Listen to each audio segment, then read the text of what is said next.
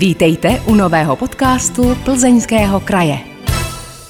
Příjemný poslech vám přeje Markéta Čekanová. Tentokrát je mým hostem muž, o němž si troufnu tvrdit, že je svým způsobem pokračovatelem Jože Plečníka, architekt Jiří Boudník, který navrhl kompletně interiéry rezidence prezidenta Petra Pavla. Ahoj. Ahoj, eh, asi to budu muset upřesnit. Kompletně ne, samozřejmě byl to tým, eh, který se na tom podílel a je to v podstatě, mm, je to služba, tak to beru. A nemůžu se rovnat s Jože Plečníkem. A sranda teda je, že když byl Petr Pavel zvolen, tak jsem jen tak jako z legrace kamarádovi napsal, že budu hradním architektem. Bez jakýkoliv návaznosti, o který bych měl vidět. A tak si říkám, no jo, tak to se splnilo, no. Očkrtnu to, jdeme dál. Dobře, ale dá se svým způsobem mluvit o tom, že jsi jakoby na té lince, která nese dál tu pochodení Juže Plečníka, protože on navrhoval interiéry bytu Tomáše Garika Masaryka. Takhle, ano, určitě nějaká uh, linie společná tam je, nicméně vybavení Vily Lumbe uh, byla věc uh, spíše charakteru ekonomického, zároveň toho, co si paní Eva, první dáma, přála. Takže tam bylo spousta kompromisů a nevybavil, bych, nevybavil jsem to tak například, jak bych si myslel, že by to mělo být vybaveno, co by se ta vila zasluhovala. Takže jo. k čemu všemu se tam paní prezidentová vyjadřovala? A no, samozřejmě ke všemu. Tam od, od komody pro micinku, pro její kočičku, a až po samozřejmě barvu koberců a typ nábytku. A nebylo to, já to beru jako službu, Jestli Jože Plečnik to bral jako službu, no určitě taky. Nicméně on si myslím, že měl daleko větší prostor se vyjádřit nebo, nebo něco jo, tam, tam vytvořit, než ty limity, které byly nastaveny od začátku v tomto případě. Tam šlo opravdu jenom co nejrychleji zařídit zprostředkovat, aby první pár se mohl nastěhovat do té vily. Byl to tedy velký a tvrdý oříšek? Byl to velký oříšek, ano.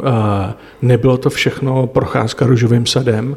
A samozřejmě každá tato zakázka nebo, nebo zadání je o součinnosti toho architekta nebo jestli má pod sebou nějaký interiérový designery a z toho klienta a musí se najít nějaká společná řeč. Takže uh, nějaký čas se trávil nad tím, abychom tu společnou řeč našli.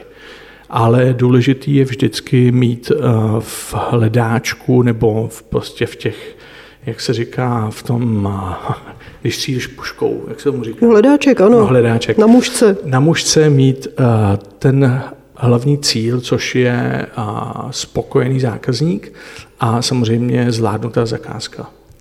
Když pracuje architekt s klientem a opravdu chtějí pracovat, tak musí občas ustoupit jeden, občas druhý, občas klient musí přistoupit na to, co říká architekt, občas architekt musí couvnout ze svých nápadů a ustoupit tomu klientovi.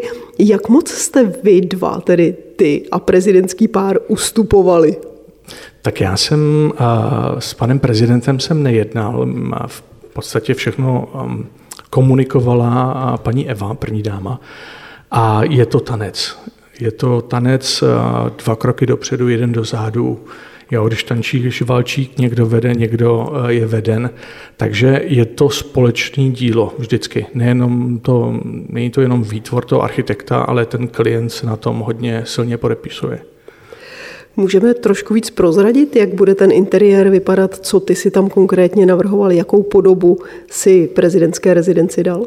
Tak eh, my se asi nikdy nedozvíme eh, úplně přesně, jak to tam nakonec bude vypadat. To asi podléhá nějakým eh, prostě tím, že je to vlastně rezidence prezidenta, tak tam by si měl zachovat určitý soukromí.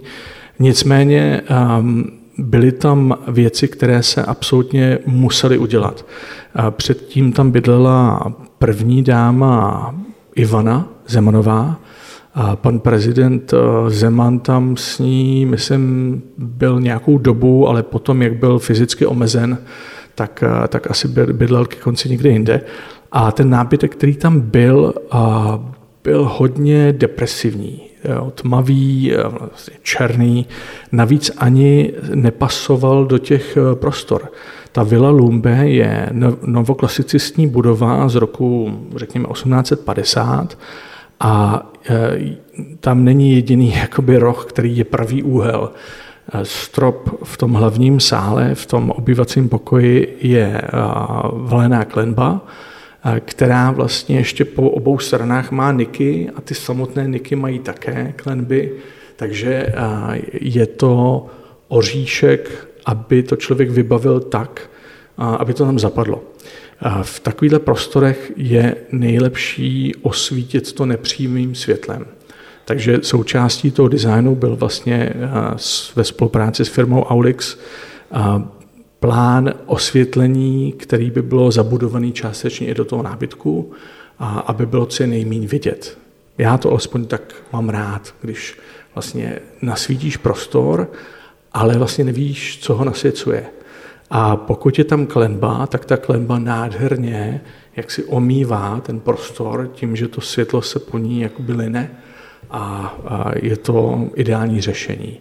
Jo, tam by neměly být žádné vysací lampy nebo, nebo něco podobného.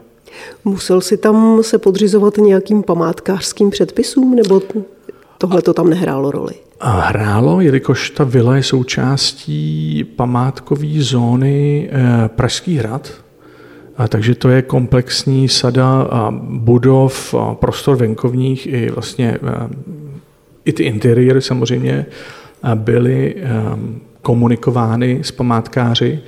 Já jsem tam například chtěl vybourat zeď Eh, ač nenosnou, ale chtěl jsem propojit kuchyňský prostor s tím obývákem, tak jak je to ve zvyku v dnešní době, že vlastně člověk může přikrájet rajčata a zároveň se bavit s návštěvníkem, s dcerou, s kýmkoliv. A, takže jsem a, měl v plánu tam probourat jeden otvor, a, s památkáři jsem to vykomunikoval. Nakonec došlo k tomu, ke změně, že vlastně ta kuchyně a, bude oddělená a vznikl tam vlastně takový sedící prostor, takže eh, nebylo nutné propojovat to a bourat nic. Takže žádné stavební zásahy nebyly, šlo jenom čistě o to, jak se vymaluje, jaké se dají koberce a jaký tam bude nábytek? Víceméně. Malinký stavební zásah tam bylo začištění jednoho rohu, jeden stěny, který tam byl nesmyslně jakoby vykousnut, ale zbytek byly vlastně už jenom interiérové eh, záležitosti. Jak se vůbec dostal k téhle zakázce? Kromě toho, že si po zvolení prezidenta Pavla napsal tedy, že budeš hradním architektem. No já jsem dokonce potkal Josefa Pleskota, protože pan prezident ho zmínil, že bude jeho hradním architektem. A potkal jsem ho asi týden potom, po zvolení e, na malé straně, tak jsem mu brahopřál. Já jsem řekl, jo, pane Pleskote, gratuluju k vaší funkci hradního architekta. A já jsem teda skromně aspoň podhradní architekt, protože teďka v současné době dělám interiéry Tomáše Sedláčka, ekonoma, a on bydlí v, hned u Karlova mostu. Takže já jsem se tituloval jako podhradní architekt a jel jsem od slova jako hradího, tak jsme se tomu zasmáli. Ale netušil jsem, že jo, krátce na to budu osloven a vybavit vilu Lumbe, prezidentskou rezidenci. No je to, jak jsem se k tomu dostal, je to asi svou pírí, pracovitostí a svým vzděláním, zkušeností a trochou štěstí být e, ve správný čas na správném místě. Víš, na základě čeho tě někdo oslovil, že znal nějakou tvoji realizaci, líbilo se mu to a proto si tě vybral, nebo vybral si tě osobně Petr Pavel nebo někdo z jeho týmu? To, co jsem řekl k tomu, tak víc k tomu říct nemůžu. Dobře, necháme to zahalené tajemstvím. Posloucháte podcast Plzeňského kraje. Tentokrát s architektem Jiřím Boudníkem, který dal novou podobu prezidentské rezidenci ve Vile Lumbe. Protože asi posluchači podcastu Plzeňského kraje nikdy tenhle objekt nenavštívili, pojďme teď vilu Lumbe trošku blíže představit. Co to je za vilu? Bylo to sídlo, takhle, on tam asi ani nikdy nebydlel a byl to a chirurg, který asi nikdy ani neoperoval, ale byl to německý doktor Karl Lumbe, který žil v polovině 19. století V té době bylo v módě stavět rezidence, které měly novoklasicistní styl. To znamená, že je tam odkaz silný na klasickou dobu Říma, Řecka. Znamená to, že tam jsou sloupy, jsou tam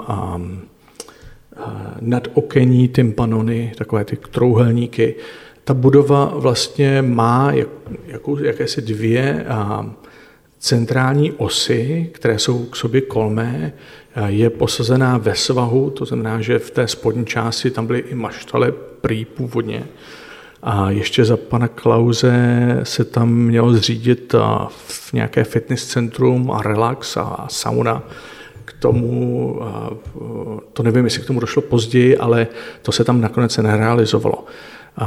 Ta budova je prostorná a já si myslím, že pro manželský pár e, je absolutně dostačující na, na to, aby zvládali funkci, kterou mají od nás jakoby do nich vloženou.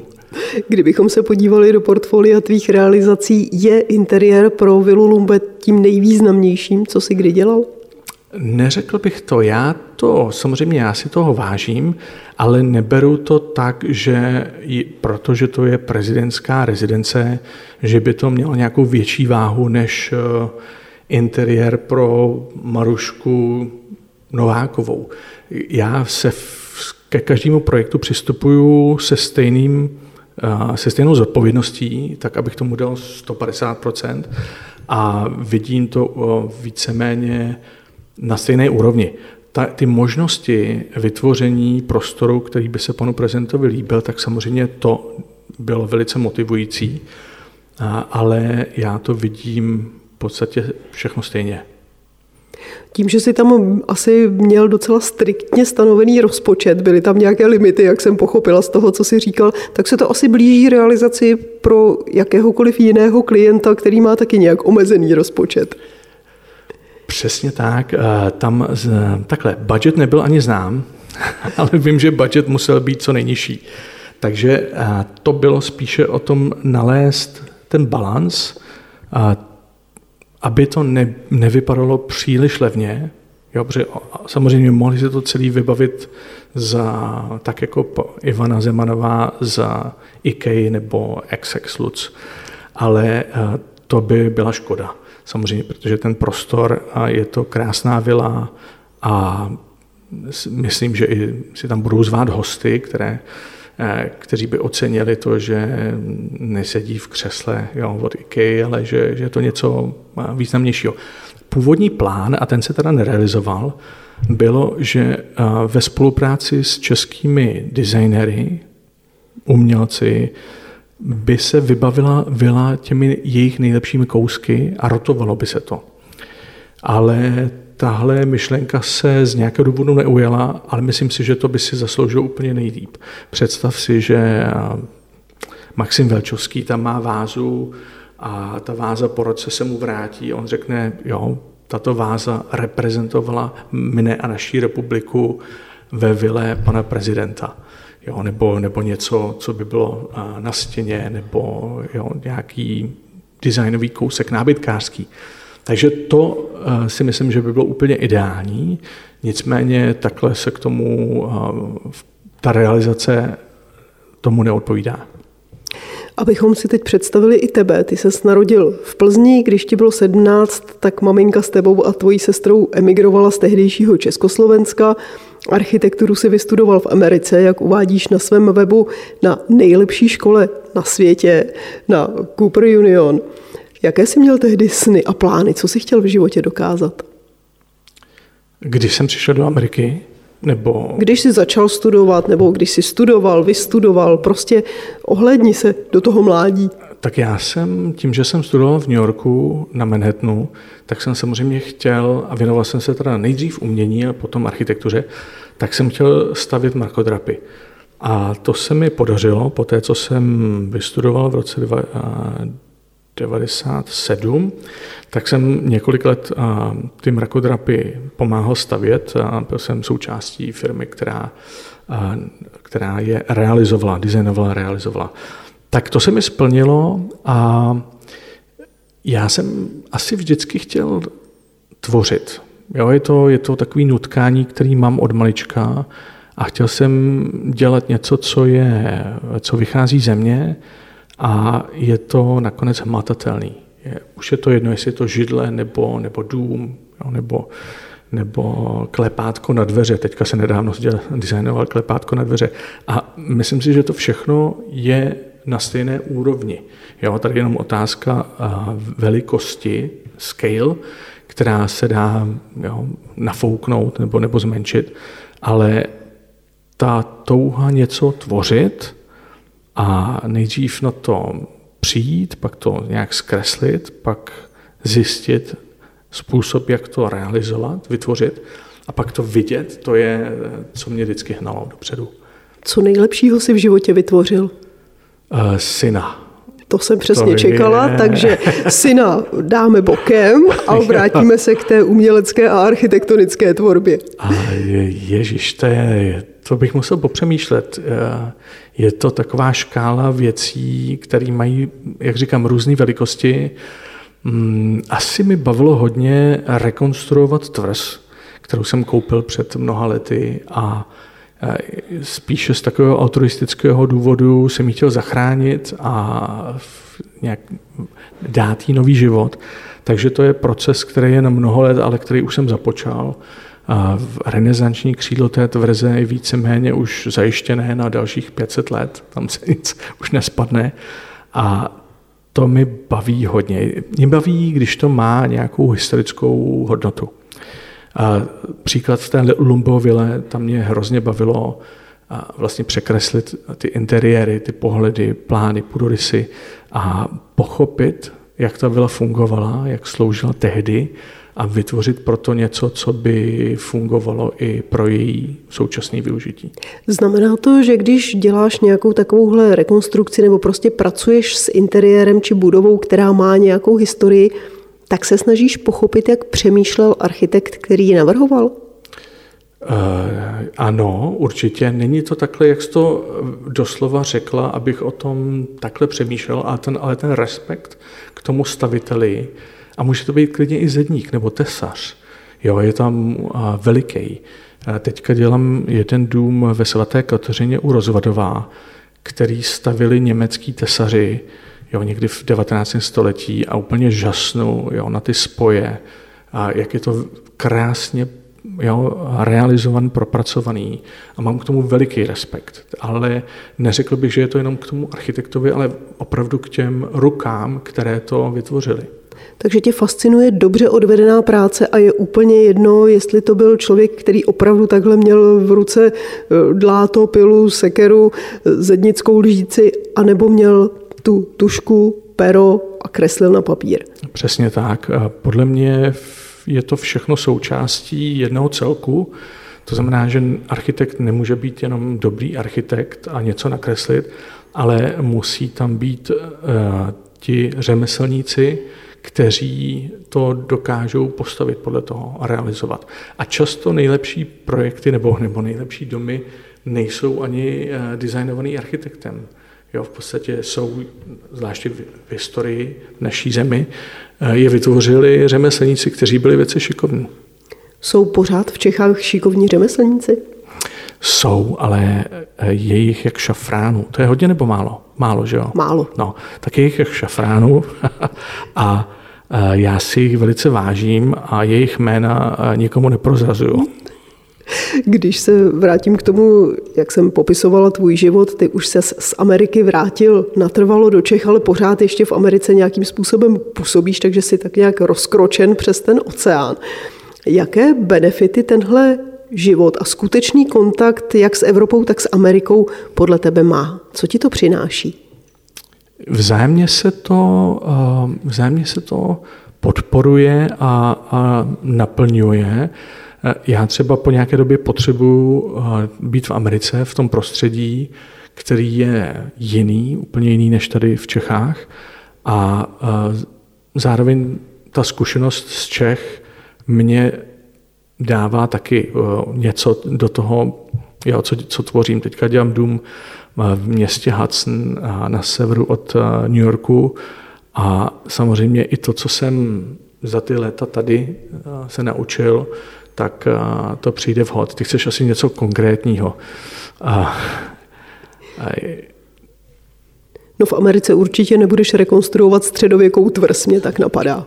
To ne, ale ten dům je taky z 19. století, takže um, ta rešerše, která vlastně musí vzniknout na začátku té práce, tak ta je velice podobná jak v Americe, tak tady. Jo, seznámit se vlastně s historií toho objektu a, a jak vznikl.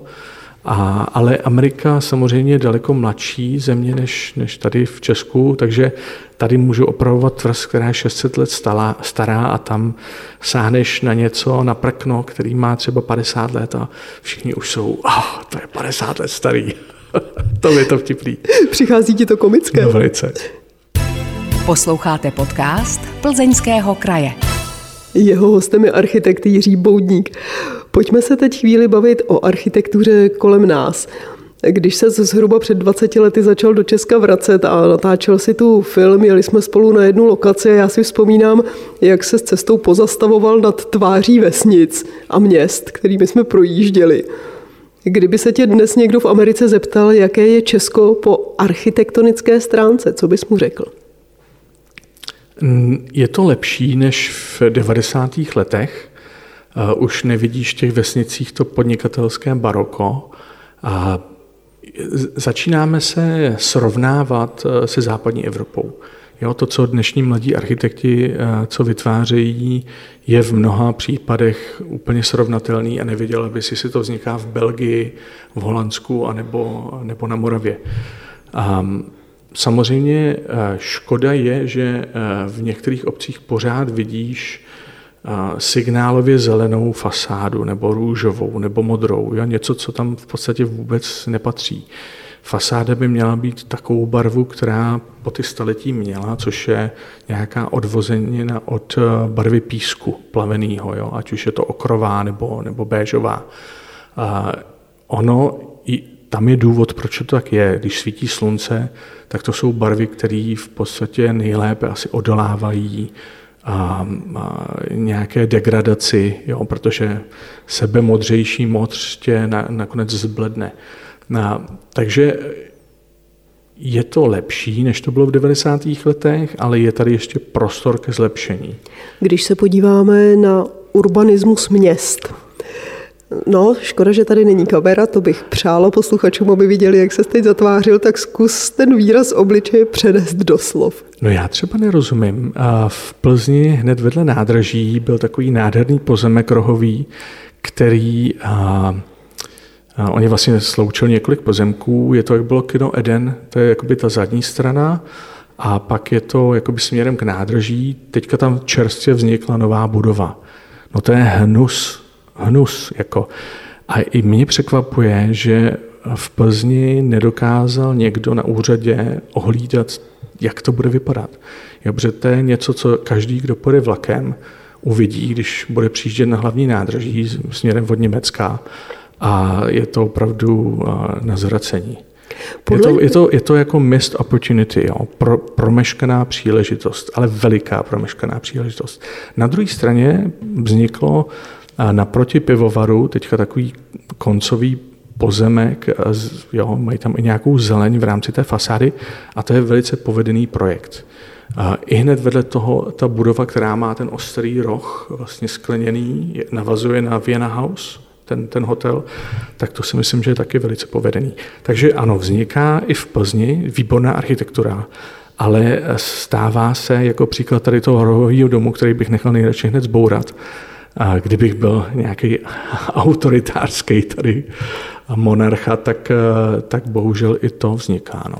Kdo by tady měl rozhodovat o podobě měst? Mělo by každé město mít jednoho člověka, hlavního architekta, hlavního urbanistu, anebo nějakou komisi, která by říkala, tohle je kvalitní, tohle je nekvalitní, protože mnohdy pak jsou tady proti tomu hlasy veřejnosti, které jsou postavené na docela prostém líbí, nelíbí. Mm-hmm.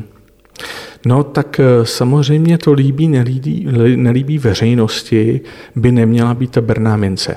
Já si myslím, že postava hlavního architek, architekta a nebo nějaké komise je velice důležitá a myslím, že tak to i fungovalo za první republiky. Jo, nevím, jestli to byl Chvojka nebo jo, minimálně on dokázal koncipovat to Denisovo nábřeží a vytvořit eh, nějakou sadu budov, které k sobě pasovaly a neurážely a byly pěkné. A bohužel se jenom část toho realizovala. Takže podle mě, zvláště s ohledem na to, co se bude dít v centru města po kde byl um, Pác kultury, teda Dům Hrůzy, tak, tak eh, tam je velice důležitý, aby to vzal někdo a, a jako celý koncept. Ale to se děje. Jo, vím, že ta firma, mm, zní to jako Amadeus, tak eh, společně s městem spolupracuje na nějakém konceptu urbanistickém, a který bude, eh, jo, tam bude občanská vybavenost, budou tam obchody, byty a to se děje a to je dobře, tak by to mělo být. My jsme se na začátku tady několikrát dotkli jména Jože Plečníka. Naše povídání se chýlí ke konci, takže pojďme teď trošku filozofovat. Kdyby se mohl setkat s jakýmkoliv architektem, s jakýmkoliv velkým jménem ze světa architektury, žijícím, nežijícím, českým, světovým, s kým by to bylo? Asi Corbusier. Corbusier mě baví, protože eh, on byl nejen architekt, ale byl i umělec. Jo, on eh, dělal murály, maloval a vlastně věnoval polovinu času umění, maloval obrazy a druhou architektuře. A takhle to mám nastavený i já. O čem by se s ním chtěl popovídat? Eh, o Picassovi, o Adolfu Losovi, se kterým, se kterým se taky potkal i Adolf by byl zajímavý. to byl taky zajímavý člověk. Ale asi nejvíc ten Corbusier. Bavili bychom se o surrealismu, o moderním umění, to byly 20. 30. leta. To by mě velice bavilo. Máš pocit, že zrovna on tě nějak ve tvé práci, ve tvé architektonické nebo umělecké tvorbě ovlivnil? To bych si hrozně přál. To bych si hrozně přál, ale zatím, zatím si myslím, že doufáme k tomu spěju, ale ještě ne. Vytvořil si návrhy úprav prezidentské vily Lumbe, včetně kompletních interiérů. Co by mělo přijít dál? Jaké máš architektonické mety, cíle, sny? No, dobře, tak tady to si očkrtnu, hradní architekt. Um, chtěl, bych, chtěl bych mít spokojený klienty a hlavně chtěl bych, aby mi každý projekt bavil. Já asi ani nechci dělat, anebo nedělám projekty, které mě nebaví. Takže eh, pojedu v podstatě v tom, co dělám dál. Jaký projekt by tě nebavil a odmítl bys ho? Kdybych viděl, že eh, je tam diametrální eh, vlastně roz, jo, absolutní nepochopení mezi klientovo přáním nebo představami a mými. Jo, já řeknu, mně se líbí šedá a klient bude opakovat, že se mu líbí zelená. Takže tam, tam se nepotkáme. Šedozelenou nenamícháme. Nebo namícháme, ale asi, asi bych to nechtěl se pod to podepsat. Stává se často, že odmítneš zakázku? E, Jo, to se stává určitě. Ano. Bohužel v dnešní době eh, je zahlcený prostor internetový poptávkami po zateplením domu po babičce. Takže to, eh, to samozřejmě na to bych nikdy asi neodpověděl. No. Já si myslím, že jsme zakončili naše povídání pro podcast Plzeňského kraje tím, co se nikdy nestane. Já ti přeju, aby se kolem tebe objevovaly pouze zakázky, nabídky, práce, příležitosti, které tě budou bavit, které nebudeš muset odmítat a které budou rozšiřovat tvé portfolio, budeš na ně hrdý. Hostem podcastu Plzeňského kraje byl architekt Jiří Boudník. Já ti moc děkuji, že jsi přijal mé pozvání. Já ti děkuji za přání a přeju všem krásný den. Vážení posluchači, pokud máte ve svém okolí někoho, kdo by taky mohl být hostem podcastu Plzeňského kraje, dejte nám o něm vědět. Stačí napsat e-mail na, madr- na adresu podcasty zavináč plzeňský. Těšit se na ně bude Markéta Čekanová. Díky za to, že jste poslouchali tento podcast. Připomínáme, že všechny podcasty Plzeňského kraje najdete také na stránkách Plzeňského kraje www.plzeňský-kraj.cz, na krajském Facebooku, YouTube nebo Spotify, Apple podcastech a podcastech Google. Aby vám neutekly další díly, nezapomeňte nás sledovat nebo si přihlásit odběr, ať už nás sledujete nebo posloucháte kdekoliv. Těšíme se v příštím dílu naslyšenou.